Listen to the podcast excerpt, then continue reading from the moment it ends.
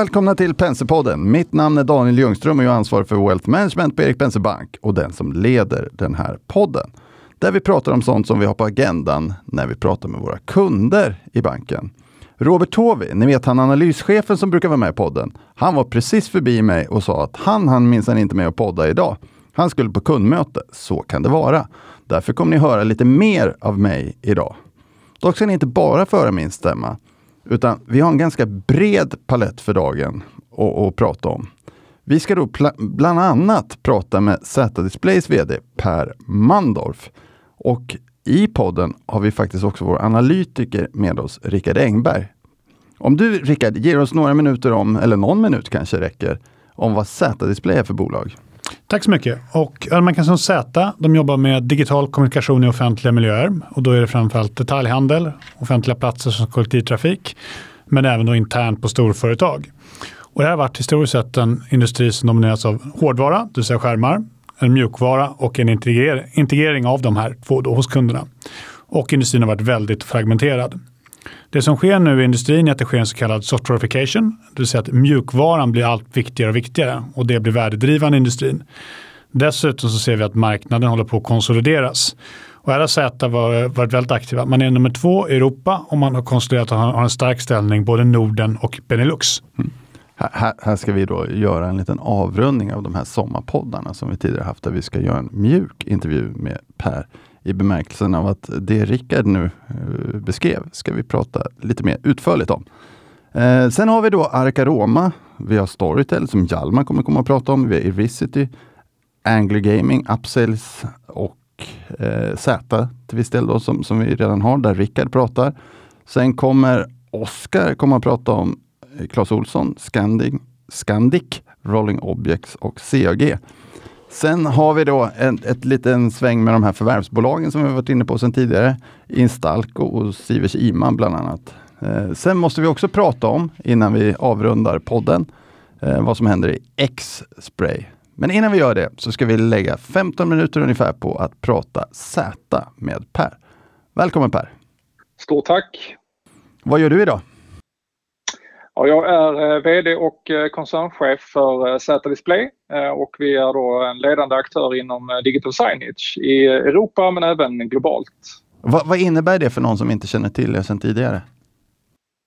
Ja, om man pratar om, om vårt erbjudande så kan man ju säga att digital signage handlar i stor del om att, att skapa attraktiva, effektiva digital kommunikation i, i fysiska miljöer det handlar om att skapa affärsvärde för, för våra kunder och vi opererar inom, inom tre stycken kan man säga, segment eller avenyer. Och det är consumer och det är publika miljöer och det är inom, inom eh, eh corporate communication.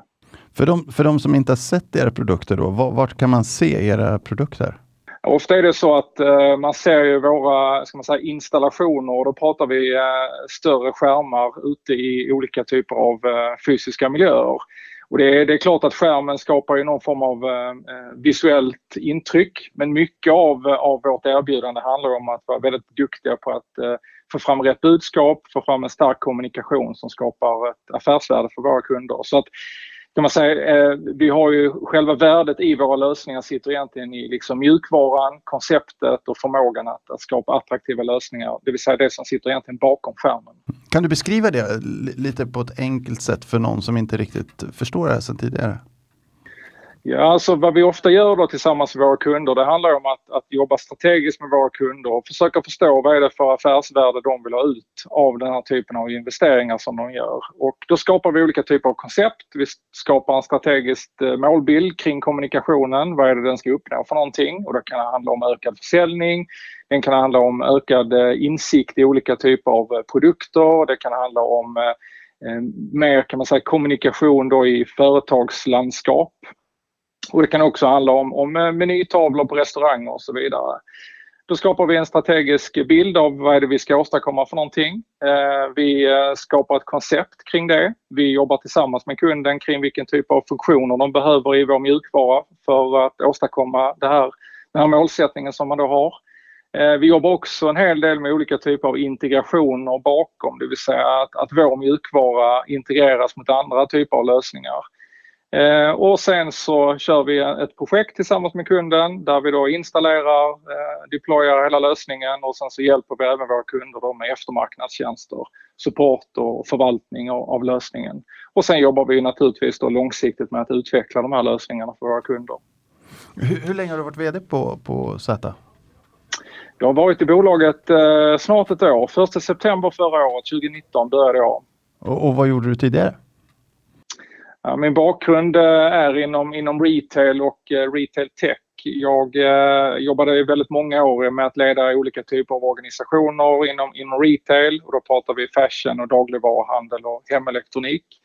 Innan jag sen kom till eh, Z Display så fanns jag inom eh, Visma-sfären och eh, var VD för Visma Retail i Sverige. Eh, och Visma Retail är då en ledande leverantörer av olika typer av affärskritiska lösningar till detaljhandeln. Och då kan det handla om kassalösningar, backoffice-lösningar, lojalitetssystem, warehouse management. Så att jag har väl en, tycker jag då, en väldigt god förståelse för våra kunders behov eh, och även då eh, kring, kring mjukvara. Och jag tror att mycket av det som händer inom, har hänt och händer inom retail, det är också mycket av det som återspeglas även om man tittar på andra typer av segment och kunder som vi då jobbar mot. Vi, vi har ju då, en, som jag nämnde, tre olika avenyer som vi opererar mot. Eh, så det är min bakgrund. I samband med att du tar vd-jobbet på Z eh, så, så, misstänker jag att du, du, har lite av en vision för bolaget. Just det. Skulle du vilja återge vad, vad var visionen den dagen du liksom började eller efter en lite kortare tid? Vad, vad vill du ta Z någonstans?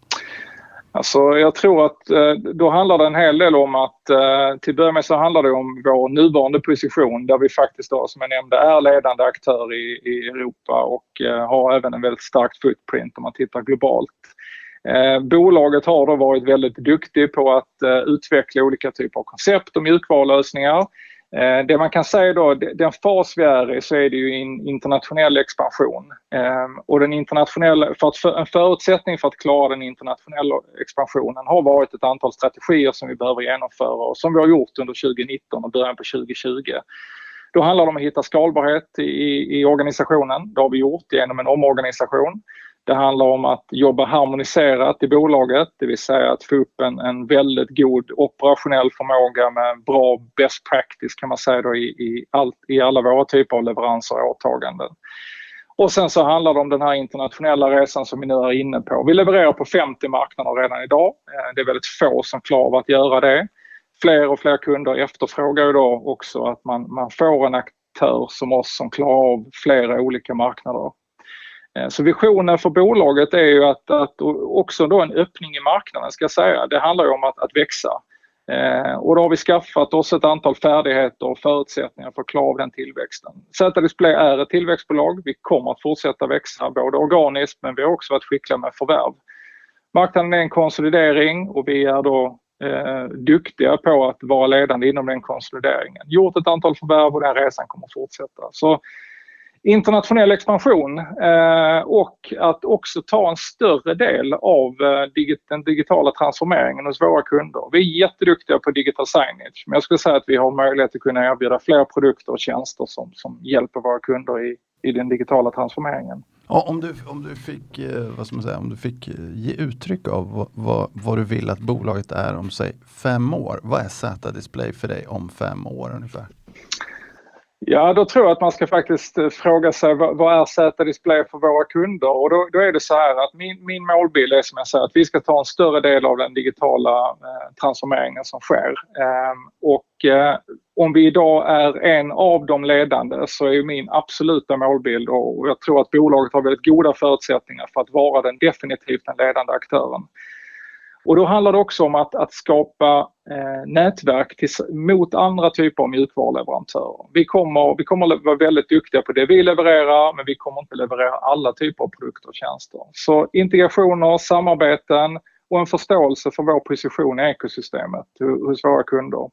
Ehm, så den definitivt ledande aktören globalt är ju vår absoluta ambition och, där ser jag väldigt goda förutsättningar för att, för att klara av den, eh, uppnå den målbilden. Va, vad är de viktigaste stegen då i närbild för att ta sig mot den här målbilden? Om man tar på 12 månaders sikt till exempel? Ja, just det. Och då, då kommer jag tillbaks till det här med att, att nu realisera den plattform som vi faktiskt har byggt i form av att, att jobba skalbart i organisationen, jobba på ett harmoniserat sätt.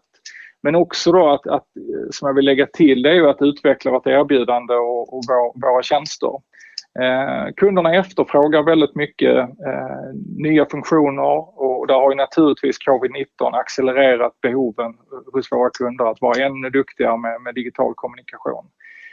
Eh, så de stegen vi, vi behöver ta nu det är att realisera och få ut effekten av de, det goda arbete och den plattform som vi har byggt här nu under, under ett par månader. Skalbarhet, harmonisering och sen att vi eh, fortsätter med att eh, ta och eh, vinna de stora internationella kontrakten. Det finns, där har vi vunnit ett antal under, under senaste tid och, och med tanke på vår förmåga då, internationella förmåga så ser jag då att, att där har vi väldigt goda förutsättningar att fortsätta vinna kontrakt över, över de närmsta, närmsta 12 månaderna.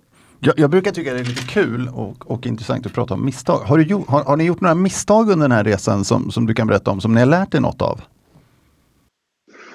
Ja, men jag ska säga så här att i och med att vi har omorganiserat bolaget nu då och då går vi från en, en lands, från landsorganisationer till en mer funktionell organisation. Och det är klart så att eh, när man har jobbat mer landsspecifikt tidigare så har man ju jobbat eh, utefter de förutsättningar och den kunskap man har haft i det specifika landet.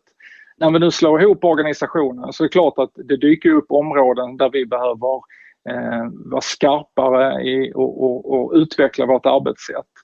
Eh, jag ska säga att det, det är, med tanke på vår, vår framgångsresa så är det klart att det är eh, det är ganska svårt att säga att vi har begått något större misstag. Eh, jag skulle säga att det misstaget eh, det, det utvecklingsområde som vi har haft i bolaget har vi nu tagit hand om och det är att jobba med best practice och det är att jobba med ett, ett eh, bättre kunskapsdelning i, i den nya organisationen så att vi faktiskt tar tillvara på all den goda kunskap som finns i bolaget. I den typ av värld vi lever då, vi, va, mm. vilka, vad för typ av konkurrens eh, oroar er mest för? Alltså, eh, jag tror att tittar man tillbaks nu eh, Q1, Q2 så är det klart att våra kunders, eh, våra kunders beteende har ju präglats en hel del av, av osäkerhet. Den osäkerheten upplever vi nu att nu börjar den liksom övergå mer till en, en, en beslutsamhet om att faktiskt fortsätta investera.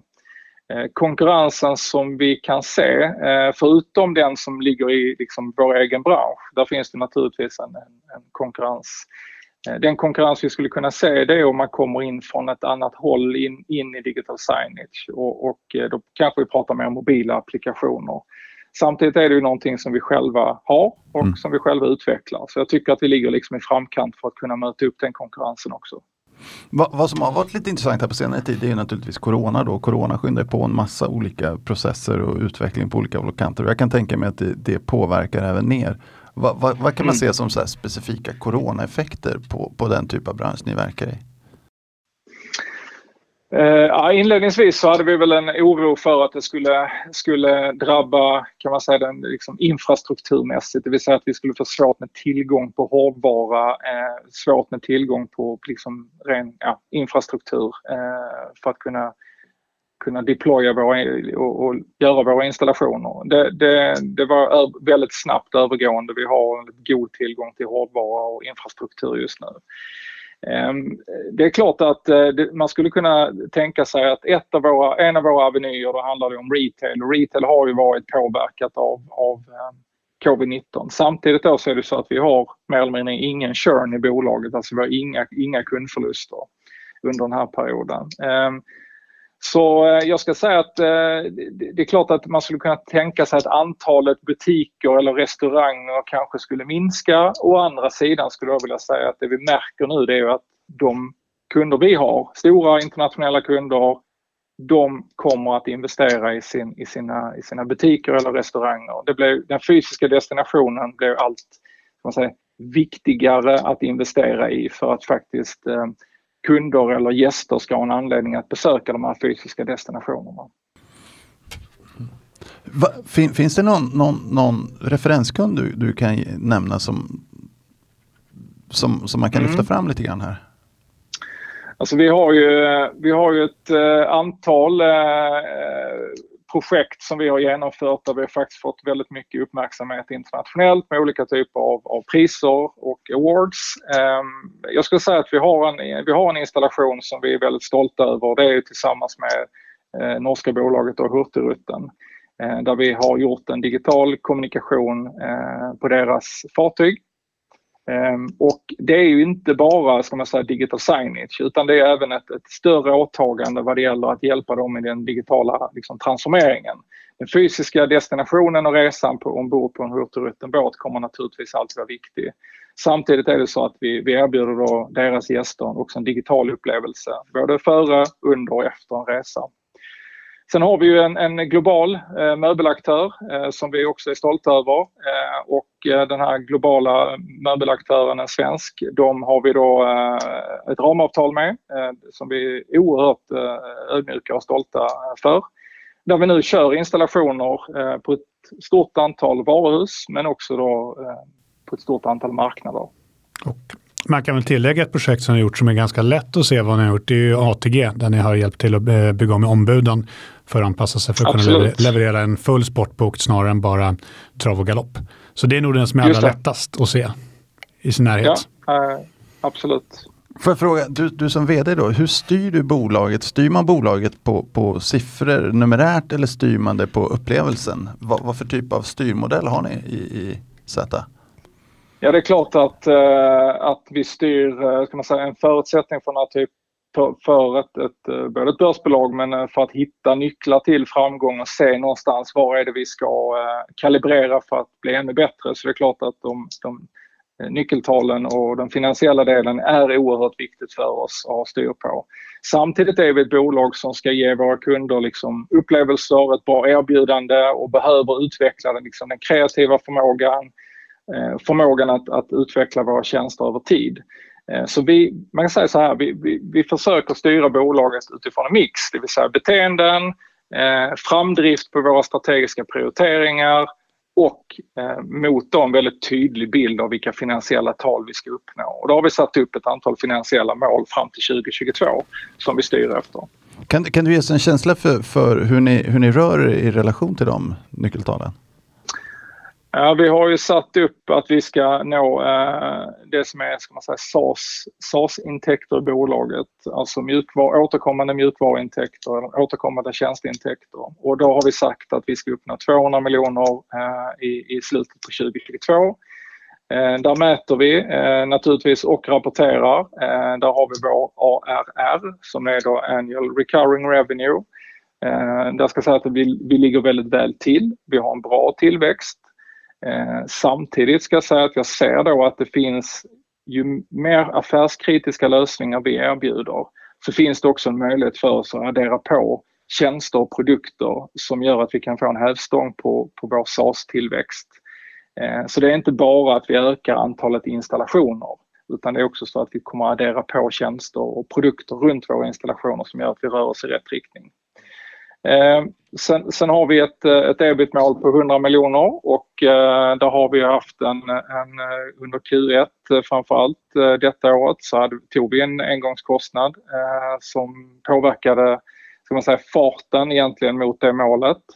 Samtidigt ser jag då att, att tillväxten nu i branschen ser vi kommer tillbaks så att de målsättningar vi har för 2022 de är fortfarande absolut inom räckhåll.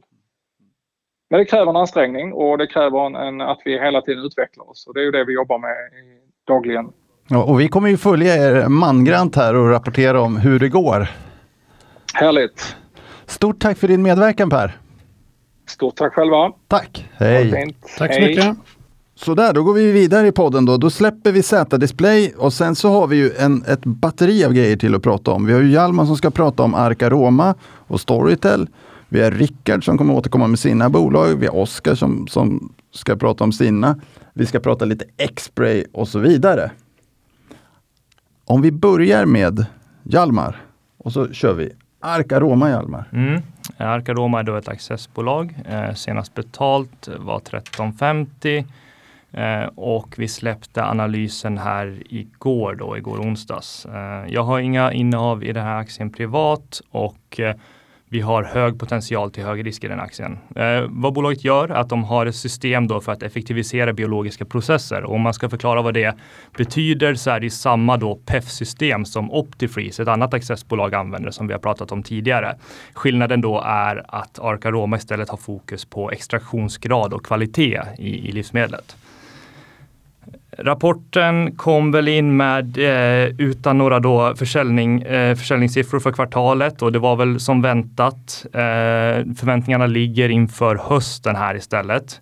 Eh, kassaflödesmässigt så brände man 3,5 miljoner då, men man har lanserat det här besparingsprogrammet och i våra estimat ser vi ett positivt kassaflöde för, för helåret 2021. Eh, inför hösten här så har man en park av maskiner ute för utvärdering, 13 stycken och eh, majoriteten av dem är ju då inom Olivcept som är olivverksamheten. Och förväntningarna då att de här ska konverteras till försäljning och, och generera starkt eh, kassaflöde efter det att maskinerna då upp, uppnått de här prestandaförväntningarna. Um, och vad vi gjorde efter, efter rapporten var att eh, vi sänkte våra försäljningsestimat och det gjorde vi mot bakgrund av att bolaget kommunicerade en något lägre guidning för andra halvåret. Tidigare har man pratat om 15 miljoner och nu så säger man 8 till 11 då. Så att eh, vi sänker våra försäljningsestimat till 15 miljoner för helåret 2020. Eh, 2021 till 2022 så höjer vi estimaten till 56 respektive 72 miljoner då. Och det är mot bakgrund av att man har börjat utveckla ett nytt eh, intäktsben inom mejeriindustrin. Ehm, men framöver så är störst fokus på olivsäsongen och eh, potentiella bokningar då inom, eh, inom olivoljebenet så att säga. Om du, om du bara tar ett djupt andetag nu Hjalmar och så, och så ger oss en känsla för så här, vad tyckte du om rapporten? Liksom, vad var känslan? Känslan är väl att eh, man har lyckats hantera covid-pandemin förhållandevis väl. Det, det, det går inte att blunda för att Eh, området kring Medelhavet har lamslagits av covid-19 men försäljningsarbetet har så smått kommit igång och eh, det finns en optimism om att, eh, om att de här eh, försäljningarna kommer genereras under andra halvan här, även om man då eh, guidade ner förväntningarna något. Är det det som gör att du höjer guidens framåt, drar ner kortsiktigt och höjer det lite framåt? den långsiktiga höjningen beror på att man har breddat eh, eh, potentiella intäkter. Då. Man har börjat utveckla eh, ett, ett nytt tillämpningsområde som är då inom mejeriindustrin. Vad, vad innebär det? Eh, det innebär i praktiken att eh, stora då producenter inom eh, mejeriindustrin kan använda den här maskinen för att extrahera vassleprotein och förbättra kvaliteten på det. Så att vassleprotein som man extraherar från, från, från mjölk, då mejeriprodukter som tidigare har blivit grisfoder skulle nu kunna användas till sånt vassleprotein som, som, som, som privatpersoner köper och använder som, som hälsokost. Om vi går vidare Janne. Yes. Lite mer om Storytel då. Intäkterna kom i stort in i linje med konsensusestimaten. Eh, ARPun var 122 kronor mot 120 då förra året. Vad är ARP? Eh, ARPU det är alltså då genomsnittlig intäkt per användare och månad. Så 122 kronor eh, per månad då som är genomsnittlig intäkt för bolaget. Eh, antalet subscribers växer med 42 procent year on year. Eh, vad som var noterbart var att man guidade för något lägre intäkter framöver med en year on year tillväxt då på 21 procent. Och det här eh, grundas i en, lägre, eh, en högre churn rate då inom Nordics, det vill säga att man har större intäktstapp eh, i början av Q3 som man har noterat eh, utanför Norden. Eh, vad som är intressant är att man under 2020 då har börjat balansföra utvecklingskostnaderna och det här gör ju att ser man på lönsamheten för Storytel så kan man göra dem mer jämförbar med andra streamingaktörer. Och kollar man på bruttomarginalen för Q2 här så var den på 42 procent och det är en 5% ökning som kan härledas då till, till att man kapitaliserar utvecklingskostnaderna. Um, och kollar man på ett annat va, bolag. Va, vad betyder det att man kapitaliserar utvecklingskostnaderna? Det betyder att eh, kostnader relaterade till att eh, producera nya ljudböcker tar man upp i balansräkningen och sen så kostnadsför man dem genom avskrivningar då i takt med att produkten nyttjas uh eh, -huh. istället för att kostnadsföra dem direkt. Eh, och, och kollar man då på, på andra bolag som eh, Netflix så ligger Netflix eh, strax där under så man har faktiskt en starkare bruttomarginal än vad Netflix har. Och Netflix är i ett annat lönsamhetsstadie. Storytel har mycket högre OPEX. Men det skulle kunna ge en indikation om vad en framtida lönsamhetsnivå skulle kunna ligga på, på, på ebit-nivå. Uh, och fortsatt fokus är ju då för Storytel på tillväxt, så det är väl på tillväxtmultiplar man ska kolla på och uh, där så handlas de till EV sales 4,8 ungefär då, vilket är högre än tvåårssnittet på, på 3,1. Um, ehm, Netflix ligger betydligt högre där, men som sagt det är en annan lönsamhetsnivå där. Uh, Spotify strax över 4, 4,17 då och har lite svagare tillväxt än vad, vad Storytel har. Um, men kortsiktigt så skulle man kunna tänka sig att den här guidningen gör att eh, utvecklingen blir lite svalare framöver. Däremot så på lång sikt så är det ett intressant tillväxtcase och, och ser man på multiplarna här och att man kanske kan få en högre eh, lönsamhet då än till exempel Netflix så, så finns det en, en stor uppsida. Och om man nu inte är så finansiellt bevandrad, hur, hur ska man tolka den här rapporten? Var det, var det en okej okay rapport?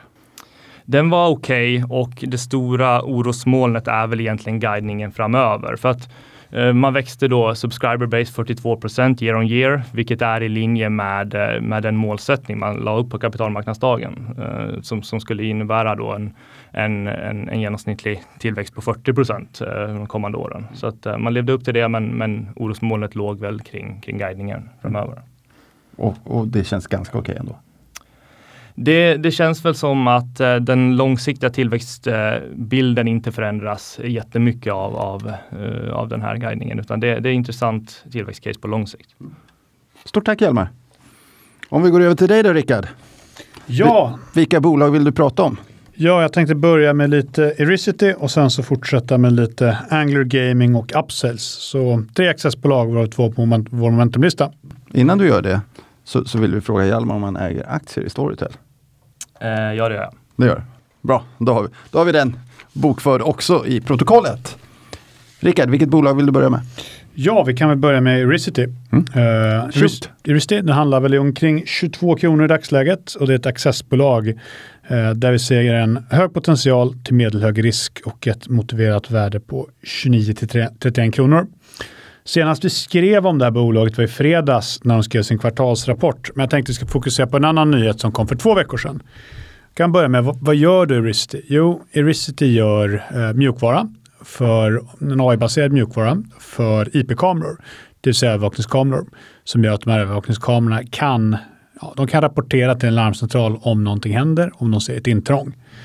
Och ja, varför är det här intressant? Jo, det är för att det finns en himla massa kameror ute i världen eh, och att det innebär väldigt stora kostnadsbesparingar för Ristis kunder. Eh, jag tror att en av Euristis pilotkunder som jag ska prata lite om, när de testade de här systemen så sänkte de sina kostnader mellan 40 till 60 procent på enskilda bevaknings, bevakningsobjekt. Och varför väljer jag att prata om Euristi just nu? Ja, man rapporterade i förra veckan i fredags. Det var liksom, siffrorna var helt i linje med våra förväntningar.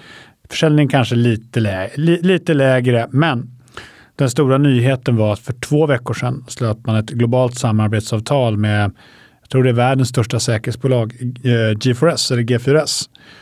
Och ja, varför är det här intressant? Jo, det är dels för att G4S eh, har en himla massa sådana bevakningsobjekt och kameror installerat världen över. Och att Ericity får tillgång till en väldigt massa data från de här kamerorna. Och om man är bevandrad i hur AI och machine learning fungerar så kan man säga så att algoritmer, det, det kan man bygga, men man, algoritmer måste ha någonting att träna på. Och nu får Risity en väldig massa träningsdata som kan göra de här algoritmerna ännu vassare. Och vad gjorde då vi när, vi, när de slöt det här avtalet? Ja, dels höjde vi vårt motiverade värde. Från innan låg det på 18 kronor eller 17 till 19 kronor. Höjde vi nu till 29 till 31 kronor. Och sen så ökade vi takten rejält i Ericitys eh, kommersialisering. På 2021 så ökar våra försäljningsestimat med nästan 60 procent och på 2022 men eh, lite mer än så. Och det gjorde vi just för att nu har man som sagt världens största, man är, man är globala AI-partner till ett av världens största säkerhetsbolag som har en väldigt stor installerad bas där ute.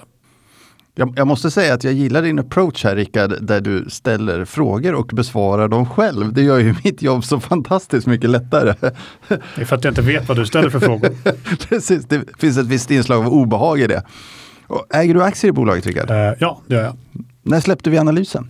Uh, vi släppte analysen uh, förra fredagen och kvartalsrapporten kom i torsdags för Q2. Och det kan man väl tillägga att vill man ha tillgång till analyserna så kan man skicka ett mejl till penserpodden penser.se så kan vi mejla ut dem. Eller så ringer man 08 463 80 00 och ber att få prata med en rådgivare så får ni hjälp med material även där. Och jag tror ni hittar mycket av det vi publicerar på vårt Twitterkonto som heter EP-access också. Som vi jobbar hyggligt aktivt med får man väl ändå säga på olika sätt och vis. Hjalmar han har fått jobba med det här under semestern för, för vi behöver någon som, som kan fixa lite med bilder och annat. Om vi går vidare Rickard. Ja, Nästa bolag. Vi går vidare till Angler Gaming. Ja. Och Angler Gaming är ett accessbolag. Och det är även med på vår momentumlista. Eh, aktien handlar väl kring 19 kronor i dagsläget. Här ser vi en hög potential till medelhög risk och ett motiverat värde på 23 till 24 kronor. Angler Gaming är en så kallad speloperatör. Eh, vi har gått igenom skillnaden på operatör och leverantör tidigare i podden. Så ja, det här är en operatör. Du, du får gärna påminna lyssnarna om vad det är. Okay. En operatör är den som har en konsument som slutkund, så ett B2C-bolag. Mm. Eh, ta den, den mest kända i Sverige är väl Unibet och Betsson mm. och även Leo Vegas. Mm. Eh, och vilka, det som är intressant här, man är aktiv i norra Europa, men man är även aktiv på vad jag kallar för tillväxtmarknader. Eh, och varför ska man då äga Angler Gaming? Ja, det är för att man ser en väldigt hög strukturell tillväxt som har accelererat kraftigt nu under, på grund av covid-19. Eh, innan covid-19 så skedde 80% av allt spel om pengar skedde offline ja, på kasinon eller, eh, kasinon eller liknande. Nu har ju de flesta kasinon globalt varit nedstängda, vilket gjort att man ser en kraftig tillströmning till online-kasino.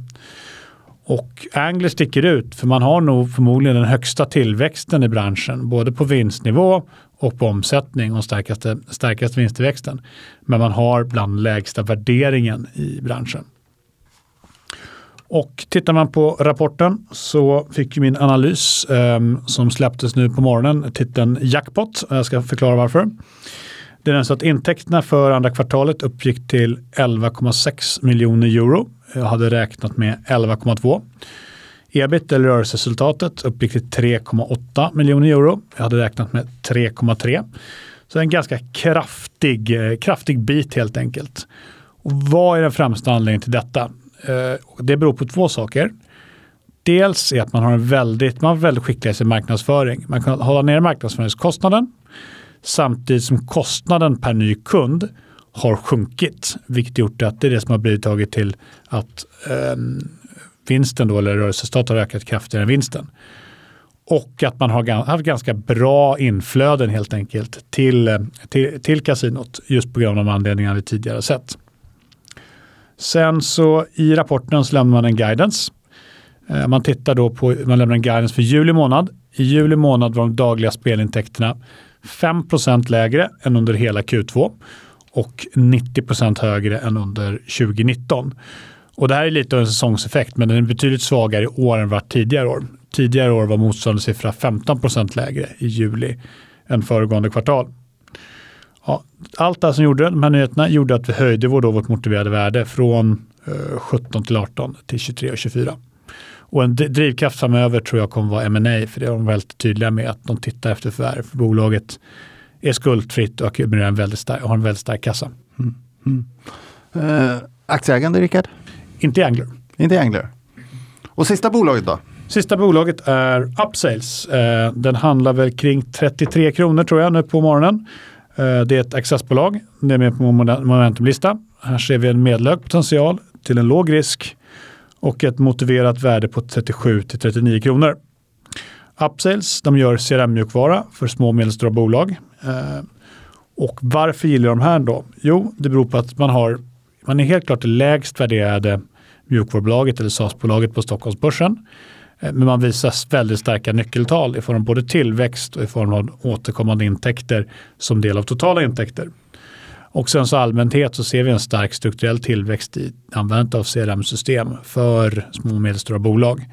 Man går ifrån att sköta det med ett Excel-ark och lite penna, pen, permar till att faktiskt sköta det helt och fullt digitalt. Ska man titta då på rapporten, sammanfatta den, så nettomsättningen något lägre, något lägre än våra estimat. Eh, det som stack ut var ebitda. Den kom in på 5,1 miljoner kronor och det var nästan 2 miljoner över våra estimat. Eh, så marginalen uppgick till ja, strax över 27 procent, vilket är bland de högsta i bolagets historia. Ja, så det här gjorde helt enkelt att vi, gjorde, vi justerade upp både våra estimat och vårt motiverade värde i bolaget. Och om, du, om man tar rapporten och så tar man ett steg tillbaka, hur skulle du vilja säga då att den var ungefär? Jag tyckte som sagt att den var, den var bra och eh, den var bra av två anledningar. Dels lönsamheten som vi nämnde. Sen så är det, man, får, man kan inte sticka under stolen att det, det, det är tuffa tider. Vi har haft en, de skarpaste ekonomiska nedgångarna på kort tid på väldigt länge. Ändå levererar man en tillväxt i annual recurring revenue eh, på nästan 17 procent. Märktes den ekonomiska nedgången liksom i bolaget på något sätt? Kommenterar de det? Ja, alltså de växer ju fortfarande fortfarande lönsamma. Man, när man, I Q1 sa man att det var lite längre beslutstider för kunder och avslut. Och man har sagt sig se en något högre churn rate. Eh, men det är ingenting som om man tar, tar, säger att du haft en churn rate på 10 då hade det vuxit, då hade det vuxit eh, ganska, nästan 30 organiskt. Den, är, den har inte varit överdrivet hög. Nej. Om jag ställer frågan både till dig Hjalmar och, och Claes Rickard. Hur, hur, hur, har ni upplevt de här rapporterna? Det har ju varit lite sommaruppehåll här och vi har kört lite intervjuer och så vidare. Vad, vad, vad ska en lyssnare som har varit på semester ta med sig av det ni har sett? Om vi börjar med dig Claes. Mm. Ja, men jag har ju en sektor där eh, många av de bolagen som jag bevakar har egentligen inte så mycket intäkter. Nej. Utan där tittar man mycket på om man har störningar i sina studier och liknande. Och, och mycket av den ny, nya nyhetsflödet kommer ju egentligen tidigare under kvartalet. Så att jag skulle säga att det har varit en ganska eh, in, in, inga större överraskningar egentligen. Jag tycker de har levererat ganska mycket enligt förväntningarna, de bolag jag tittar på. Vi gjorde ju en ganska lång intervju med dig tidigare i podden. Ja. Eh, då pratade vi bland annat om vaccin eh, för, för en poppis sjukdom. Eh, hur, hur, ser det ut där? Har mm. det kommit några nyheter där? Det har kommit massor med nyheter så att eh, jag kan inte sammanfatta dem. Men, men egentligen, det, är ju, egentligen, det har väl gått i den riktning som vi pratade om då. Att eh, Eh, vaccinutvecklingen har fortsatt i hög eh, fart och eh, nu har man inlett de fas 3-studier som talade om under, under våren att de skulle starta under juli månad. Och, eh, nu är inte jag 100% uppdaterad för stunden men det är väl ett eh, 3-5 bolag som är inne då i registreringsgrundande studier för vaccin och det väntas resultat under september, oktober för de första. Och det kan, om de blir bra så, så kan vi ha en vaccin som kommer ut i vissa länder i slutet av året tror jag. Mm. Så din prognos om ett vaccin till årsskiftet, den, den, den ligger fast. Den ligger fast. Jajamän. Kanske den väsentligaste prognosen för tillfället. Ja. Sen får vi se hur effektiva de här blir. Men, och till vilka, vilka som får möjlighet att vaccinera sig redan i år. Men, men absolut, det, det ser ut som det går enligt plan. Mm. Om man tar dig då Rickard, hur upplever du rapporterna som har varit? Ja, alltså jag tittar på mycket bolag som är aktiva i industrier och mot trender som har accelererat på ett positivt sätt mot, eh, under corona. Och spelbolagen har ju alla kommit in starkt. Eh, vårt casebolag Evolution Gaming lämnar den högsta rörelsemarginalen jag sett på Stockholmsbörsen. Eh, Kindred visade en stark rapport och nu Angler. Så jag skulle vilja säga att baserat på vilka industrier jag följer så jag snarare sett att det har varit, det är ju hemskt att säga att de har gynnats jag säger däremot att trender som redan har funnits har accelererats. Och det har gjort att bolagen har kunnat lämna starka siffror. Mm. Så, så det har varit en stark period för dig. Vad säger du Hjalmar? Eh, många av de bolag jag kollar på är också det är en business to business verksamhet och det skapar ju en, en viss motståndskraft mot den här eh, lockdownen och generella nedgången och så. Men, men det är klart att bolagen har varit påverkade och så men, men eh, jag, jag, tror att guidningen generellt har varit hyfsat positiv när man ser framåt också. För att kollar man på till exempel Arcaroma nu så intäkterna har inte påverkats. Det har inte varit några försäljningar under kvartalet utan eh, det, det, är framtiden som får utvisa helt enkelt i det mm. fallet. Om, om man får ställa en annan fråga då mm, på samma tema. Eh, man ser ju att, att eh, det här viruset, då, alltså corona, poppar upp lite grann och det, det känns som lite utdraget. Hur upplever ni att tidsfaktorn är? Det var en väldigt klurig fråga. Alltså, om man då säger så är det väl, tar vi då, tar vi då iGaming-industrin så har ju mycket, har ju många har ju saker och ting dragits från att öppna eh, i, i västvärlden och på andra ställen. Så det har ju såklart påverkat, påverkat den industrin ja, positivt. Att eh, kasinon öppnar inte, ja men då fortsätter du spela online. Å andra sidan, så en annan sak man ser är ju att eh, det är en del amerikansk college-sport som eventuellt inte kommer starta. Och det är såklart negativt för bolag som Kambi och eh, Kindred som är aktiva på den amerikanska sportbettingmarknaden. Mm. Om vi ska ta dig då Claes, vad tänker du prata om? Ja, eh, jag, Sitter du och tänker? ja, Ni, ni ska veta Jag att, sitter och lyssnar på, på Rickard. jag, jag, jag kommer med de här frågorna lite vart efter. Det är det som gör att Rickard nu har utvecklat den här metoden att ställa sina egna frågor och svara, besvara dem, för då finns det en tanke lite i förväg. Jag gillar ju överraskningsmomentet lite grann, det skapar någon form av spontanitet. Så över till dig Claes. Mm. Jag ska hoppa in i läkemedelsutveckling eh, när det inte går riktigt så bra. Men det har gått bra för, för banken. Vi hade ju ett case i Xspray Pharma som vi tog upp i november. Och eh, den aktien har ju gått väldigt bra, speciellt här under sommaren efter en väldigt positiv analys från Ja, väldigt positiv analys från en av våra konkurrenter här och eh, i samband med just den här kursrusningen under, under juli framförallt då, så, så tyckte vi att eh, det här väldigt mycket inpris hade svårt att motivera för att köpa för den här aktien fortfarande. Så vi stängde caset den 14 juli efter 170 procents eh, uppgång. Och, eh, eh, Det är X-Spray vi pratar om. precis. Vad var det som hände? Då var det att det var väldigt mycket förväntningar som byggdes upp, eh, mycket spekulation och aktien drog iväg. Det jag också ska prata om idag egentligen är väl det som, är, som egentligen visar att det var väldigt klokt av oss att stänga redan då. Det är väl att, att man har fått ett bakslag i sin bioekvivalensstudie. Jag kan ju säga det, Expert de har ju en, en, en teknikplattform som kan göra det möjligt att gå runt vissa patent för eh, godkända läkemedel och eh, då möjlighet att kunna göra kopior på dem och lansera dem innan patenten egentligen går ut och komma före generikabolagen. Men för att göra det så måste man göra vissa studier som visar att man har en likvärdig profil, eh, likvärdigt upptag och eliminering ur kroppen. Det kallas bioekvivalensstudier. Det här var då en sådan, en utav två. Man gör en när man fastar och en när man eh, tar in föda. Eh, och i den här studien så lyckas man inte visa att man hade en bioekvivalens då, som Sprycel.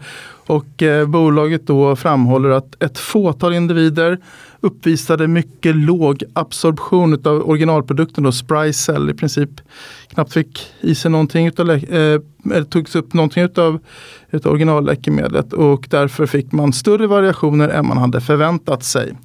Som sagt, det kommer en till studie här i september när i samband med födointag och eh, bolaget ska titta nu på möjligheterna att kunna lämna in en ansökan i, i alla fall. Jag tror att det kommer bli svårt att få det här eh, utifrån det här materialet få det godkänt i, i USA. Utan man kommer nog behöva göra minst en till studie. Eh, eh, och eh, banken är, är väl egentligen också därför avvaktande till aktien framöver. Och du äger inga aktier i Jag bolaget? äger inga aktier.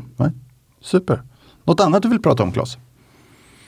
Jag ville det. Nej, men jag tycker att det som har varit väldigt positivt också som jag inte nämnde då med rapporten. Det är väl att eh, många bolag har tagit in väldigt mycket pengar och inte till eh, normalt sett i Sverige gör man mycket emissioner företrädesemissioner. Det tar lång tid och eh, ofta väldigt stora rabatter. Det har gjort- gjorts många riktade emissioner som gör att, att eh, gått ifrån en ganska osäker situation i, i mars-april till en det ser ganska stabilt ut för många bolag som utvecklar läkemedel och det tycker jag är kul och positivt för sektorn och eh, kanske på sikt även för Sverige då, som kan få några läkemedelsbolag eh, som lyckas. Så det har varit, det har varit lätt att ta, ta in kapital kan Mm, man det, har säga? det. det har varit ett väldigt stort sug att För det eh, var väl någonting vi oroade oss Mm, lite grann exakt. för i, i våras.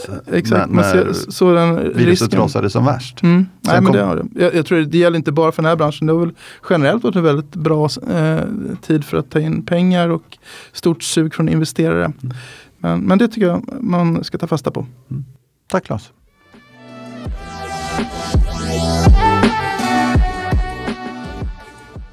Då har vi bytt lite folk i studion. Vi har ju faktiskt bara fyra platser och vi har ju ganska många som vill vara med och prata. Nu har vi Jonas Jansson och Oskar Holm som har klivit in i studion. Tidigare så körde vi alla på plats. Eh, studion är ju, vad ska man säga, en och en halv, kanske två meter gånger tre meter. Och det blir varmt efter någon timme. Och då tror vi att produktiviteten sjunker. Så nu kör vi in friskt manskap i podden. Och så hälsar vi Oskar välkommen. Tack så mycket Daniel. Vad vill du prata om Oskar? Eh, Jag har en liten eh, bukett med grejer här. Eh, Det har hänt saker under sommaren som kan vara bra att ja, prata om lite och även lite aktuella prylar från idag. Mm. Så jag tänkte kasta mig ut med Claes Olsson. Ja, börja där du. Ja, det är ett case vi lanserade i juli. En köprekommendation, mm. väldigt bra uppsida ser vi där. Kursen är idag 94, vi ser ett mm. motiverat värde på 147, mm. Eh, vilket är väsentligt högre. jag äger aktier i bolaget ska sägas också, mm. för full disclosure. Clas Ohlson känner ju de allra flesta till, är en ledande detaljhandelsaktör inom produkter för hemmet, mm. kan man beskriva det som. Och vi tycker att de har ju en väldigt intressant position nu efter den transformation de genomgått de senaste två åren, äh, där man framförallt gjort ett mycket, mycket starkare online-erbjudande och mm. gjort bolaget mycket bättre på många punkter. Äh, vi ser potential för dem att öka marginalerna med stöd av detta äh, och även fortsätta växa lite. och sen tror vi att de kommer börja dela ut pengar igen nästa år efter att ha dragit in utdelningen i år efter covid-19 pandemin. Eh, och marknaden tror på i princip ingen tillväxt och eh, ingen marginalförbättring egentligen kommande tre år. Får, får jag fråga där då, om, om, man tar att Amazon till exempel mm. eh, planerar att komma till Sverige. Hur, hur, tror, hur tror du att ett Amazon eller någon annan den typen av konkurrens kan påverka ett bolag som Clas Olsson framåt? Ja, det är en otroligt svår fråga. Vi har försökt belysa den genom att titta på de kategorier där Amazon är starkast mm. eh, och hur det skulle kunna påverka Clas Ohlson. Då. Det är inte fullkomligt överlappande erbjudanden. Eh, Clas Ohlson är lite starkare inom de områden där Amazon är, om man säger, mindre starka. Mm. Amazon har till exempel väldigt mycket klädförsäljning och väldigt mm. mycket mm. böcker fortfarande. Mm. Uh, och det är klart, Amazon kommer påverka retail-landskapet uh, i stort. Uh, och den stora risken i Clas Ohlson, det är väl att man vänjer konsumenten vid gratis leveranser för allt mm. jättefort, eh, vilket då driver upp logistikkostnaderna för alla egentligen mm. som sysslar med e-handel. Mm. Så det är egentligen den stora, stora risken och den blir generell då för, för e-handel att det, det, blir, vad ska man säga, de underliggande kostnaderna ökar och du kan inte flytta över det på konsumenten fullt ut. Ja, det skulle jag vilja säga eftersom Amazon är så stora och kan i princip subventionera saker och ting eh, som de har gjort tidigare när de rullar ut. Mm. Uh, så uh, ja, det skulle jag vilja summera det som. Mm. Bra. Om vi går vidare Oskar, nästa ja, bolag. Uh, då har vi Scandic med en gammal bekant som jag pratade om här mm. tidigare. vi hade ju ett case i det tidigare i våras och som vi stängde efter att aktien hade gått väldigt bra. och sen så gick aktien ner igen mm. och då relanserade vi det som ett mm. köpcase i juli. och Ja, vi har ju köp med eh, motiverat värde på 40, den står i 32 ungefär någonting. Mm. Jag äger aktier även i Scandic. Mm. Uh, kanske inte kräver någon större presentation, det är Nordens ledande hotelloperatör. Mm. Fortsätt. Uh, och stora anledningen till varför man ska köpa det här bolaget tycker vi då är att även med sämre nyckeltal och mm. finansiell prestanda än tidigare så kommer man tjäna bra med pengar uh, på medellång sikt. Mm. Och vi kommer nog ändå fortsätta att resa i framtiden och bo på hotell. Mm. Vilket gynnar Scandic naturligtvis då. Eh, och vi har sett en positiv trend i beläggningsgrad under sommaren om man tittar mer på det korta perspektivet. Eh, vilket är ett tecken på att inhemskt privatresande kan substituera bort eh, affärsresandet i viss del. Mm. Jag vill minnas att du hade en sån diskussion redan vid första lanseringen av det här caset. Ja. Att, eh, det var så. Hur, hur, du som kan detaljerna lite grann, hur har det utvecklats sedan dess? Jag behöver inte ha någon riktigt granulär data på det. Uh, man kan ju följa uh, så här, inkommande eller laddningar på Arlanda och så vidare mm. från uh, olika länder och mm. olika indikatorer och sådär på hur affärsresandet utvecklas. Och det är ju fortfarande lågt mm. och det är väl lite för tidigt att säga egentligen hur det kommer bli höst här. Nu under sommaren så har det varit väldigt stor andel bara privatresenärer ifrån i huvudsak Sverige och, och Norden egentligen. Har det varit högre eller lägre än vad du trodde?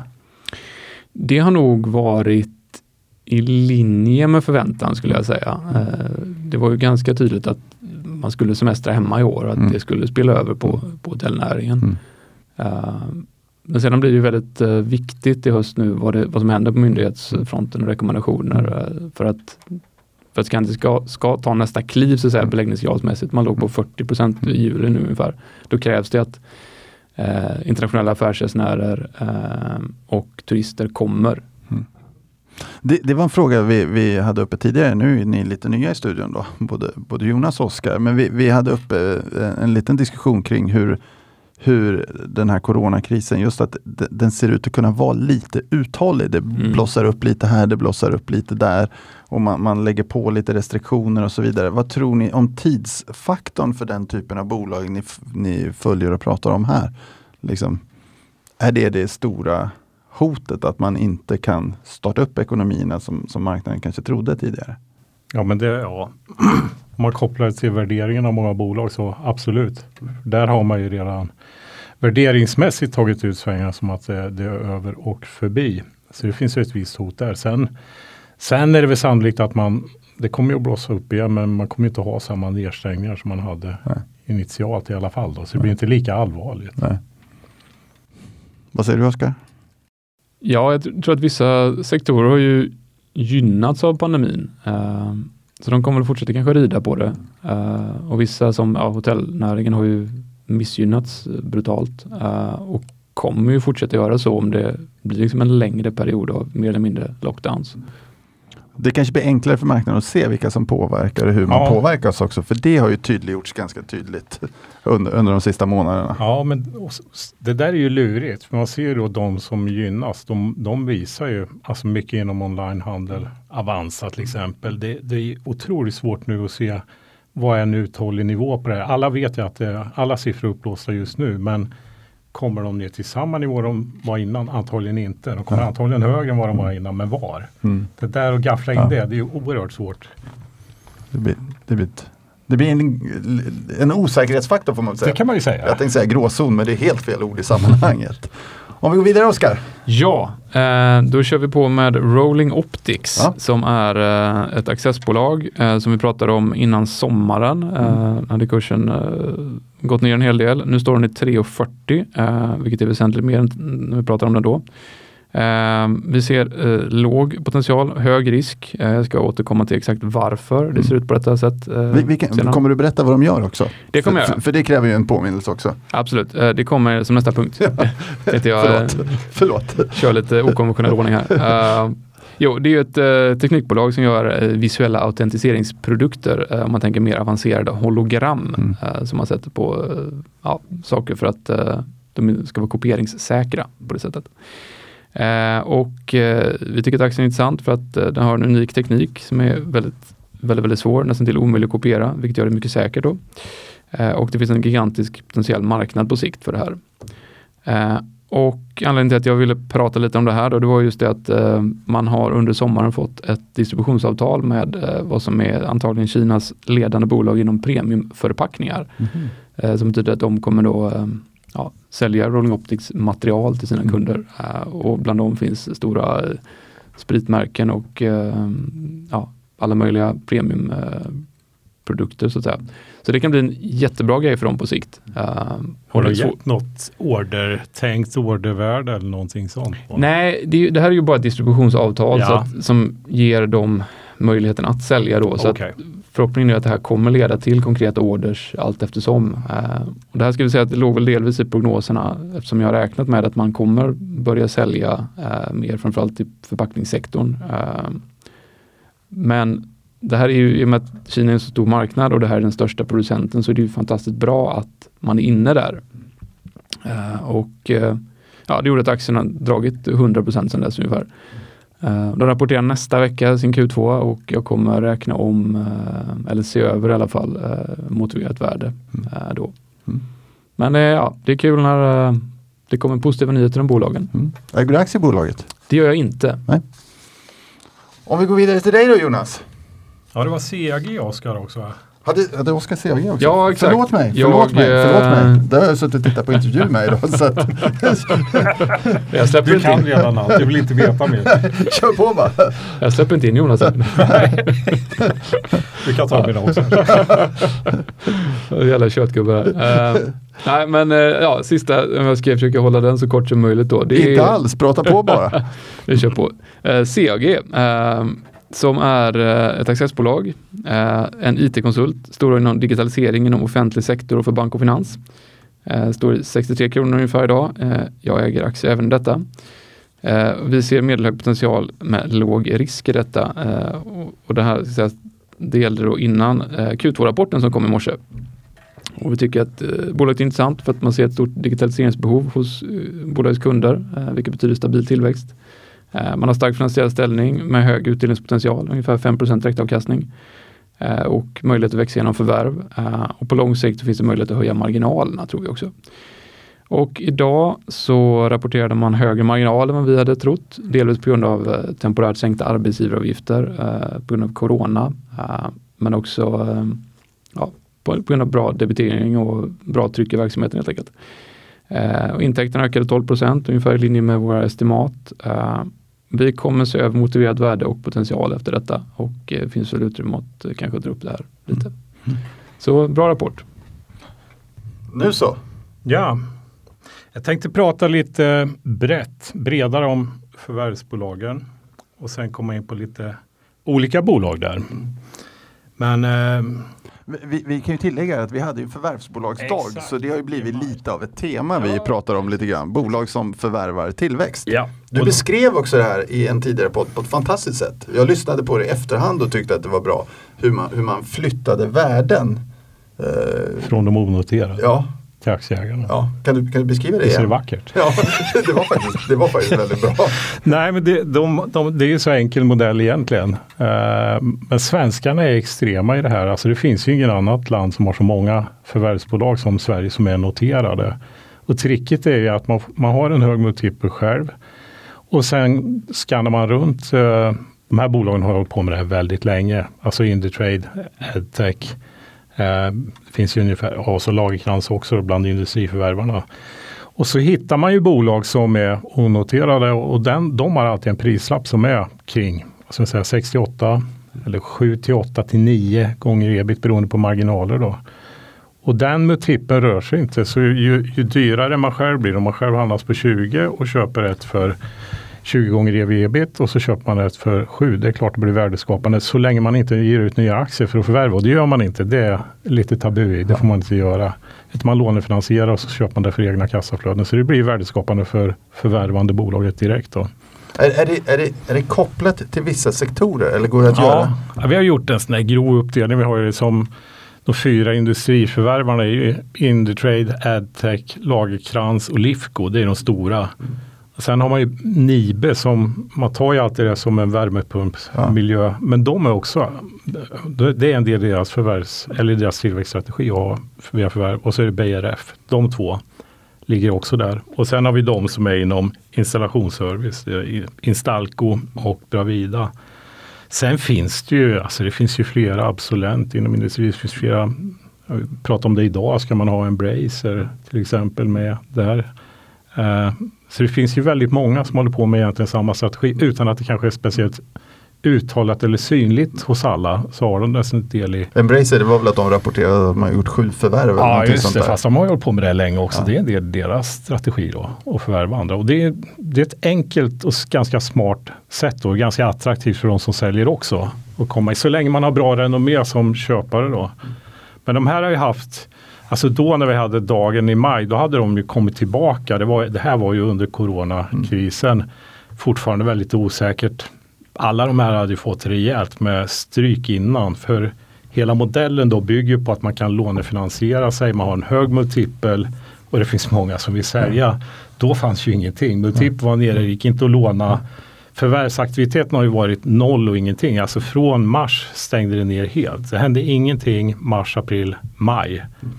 Och sen skedde första förvärvet i juni. Då var det Stiptech, det lilla bolaget som köpte ett kanonbra förvärv i Finland.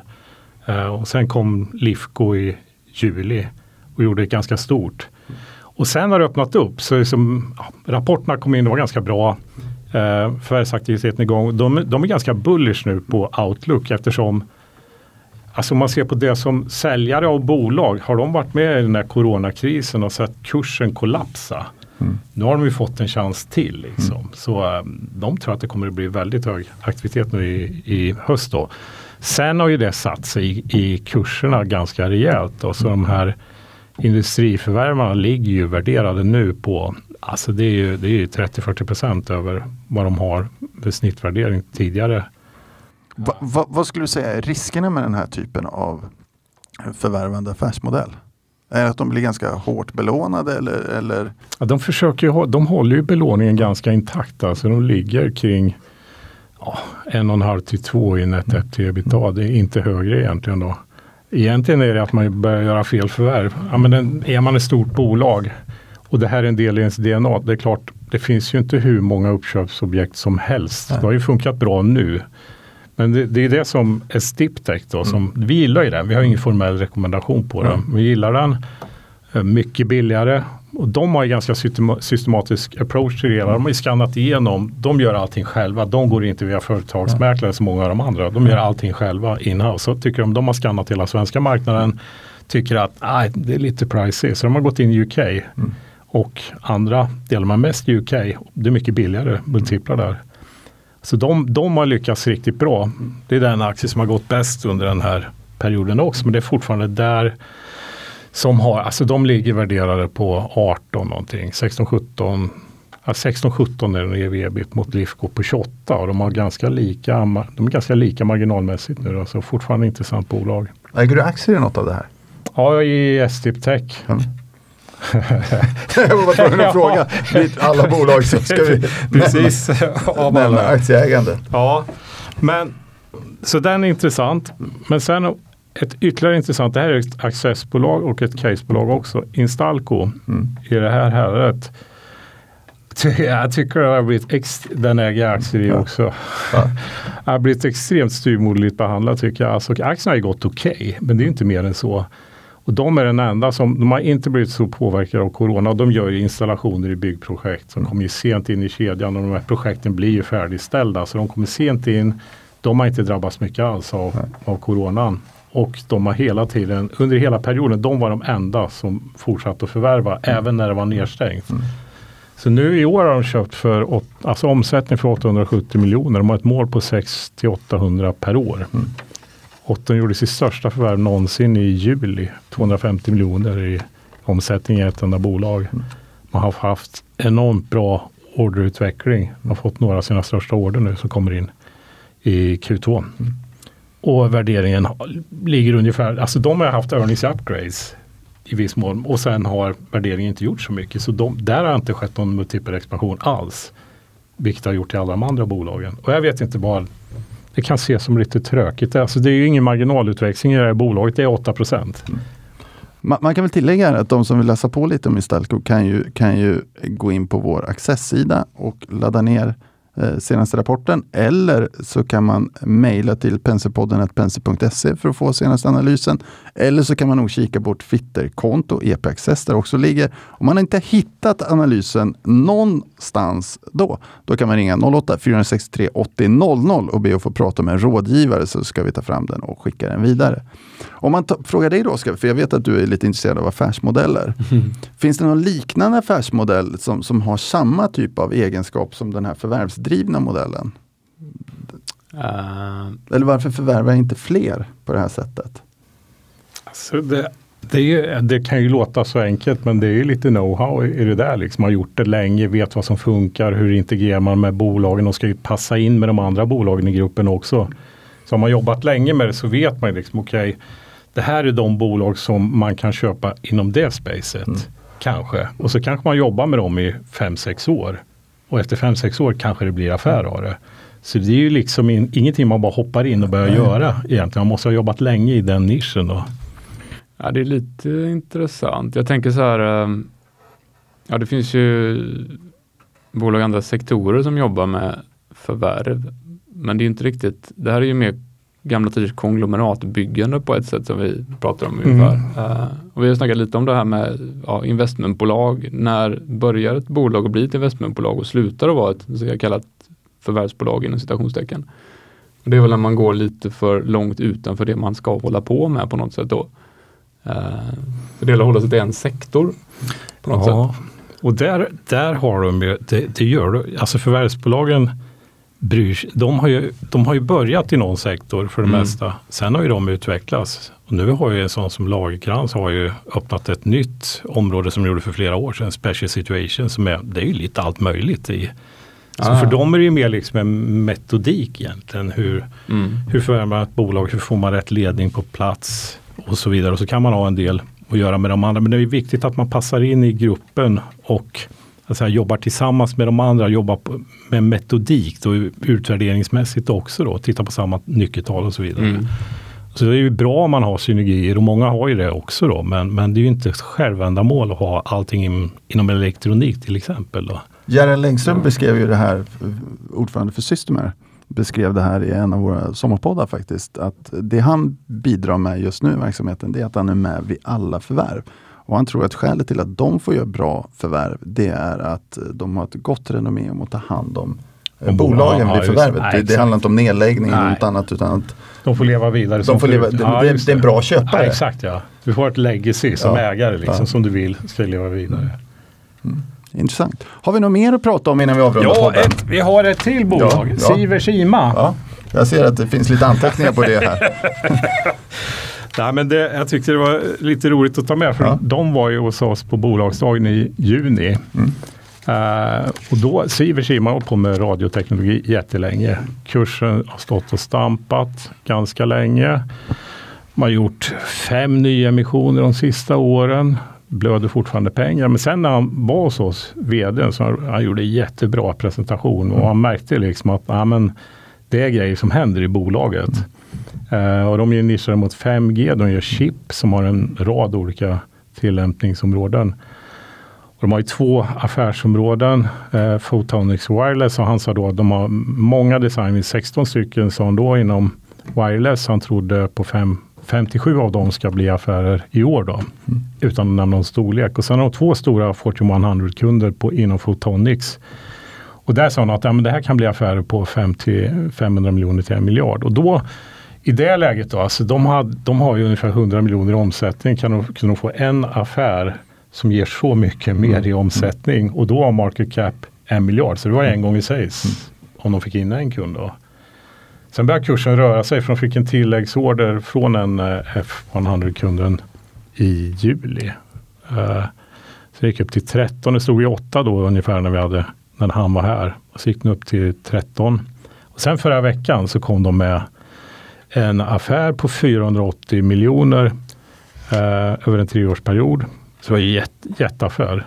Och sen visade det sig att den där affären var ju ingenting som, som låg inne. Det var inte inom de här design wins, det var inte inom Photonics. Det här var en helt ny kund som har liksom gått igenom en due diligence-process.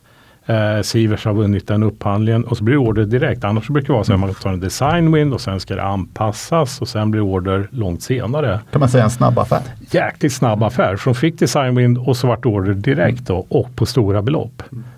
Och då är det klart, då kan man ju liksom börja se, för de har ju, de har ju enormt mycket samarbetspartner runt om som de har jobbat med, jobbat upp länge. Så de har ju som en hel kluster av olika bolag och det finns ju massa applikationsområden för just inom 5G. Enormt mycket investeringar i 5G överhuvudtaget. Och som, han, som man säger liksom att nej, men, med alla de här samarbetspartnerna, ja, men de, de bygg, alla bygger olika grejer men det vill ju till att de är kompatibla. Mm. Och där kommer deras chip in då som nu har visat sig med den här affären att det här är någonting som, som de kan leverera ganska snabbt. Mm.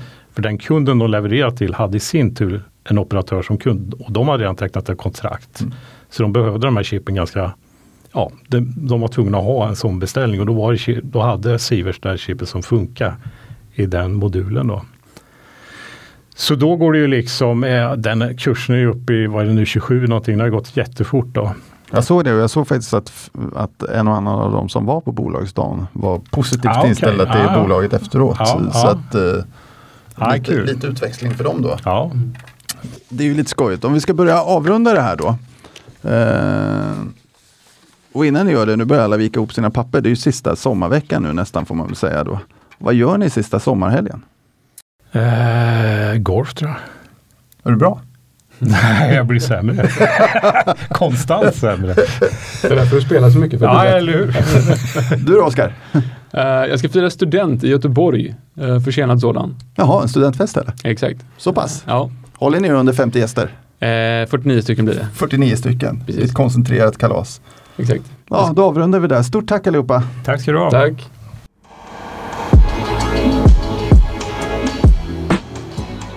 Denna podcast är utgiven av Erik Penser Bank och är avsedd att marknadsföra bankens tjänster.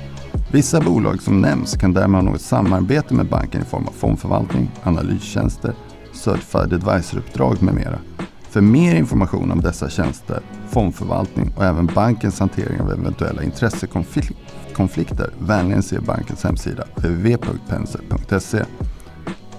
Vänligen notera att investeringar i finansiella instrument inklusive fonder är förknippade med risk. Historisk avkastning är en garanti för framtida avkastning. De pengar som placeras i finansiella instrument kan både öka och minska i värde och det är inte säkert att du får tillbaka hela det insatta beloppet. Ingen del av Penserpodden ska uppfattas som investeringsrekommendation. Informationen är heller inte att betrakta som investeringsrådgivning då den inte tar hänsyn till mottagarens specifika investeringsmål, ekonomisk situation eller kunskap. De uppfattningar som redogörs för i podcasten återspeglar de medverkandes uppfattning för tillfället och kan därmed ändras. Externa gäster i Penserpodden framför sina egna åsikter som kan avvika från bankens uppfattning. Banken frånsäger sig därmed allt ansvar för investeringsbeslut och för direkt eller indirekt förlust eller skada som grundar sig på mottagarens användande av informationen i podcasten.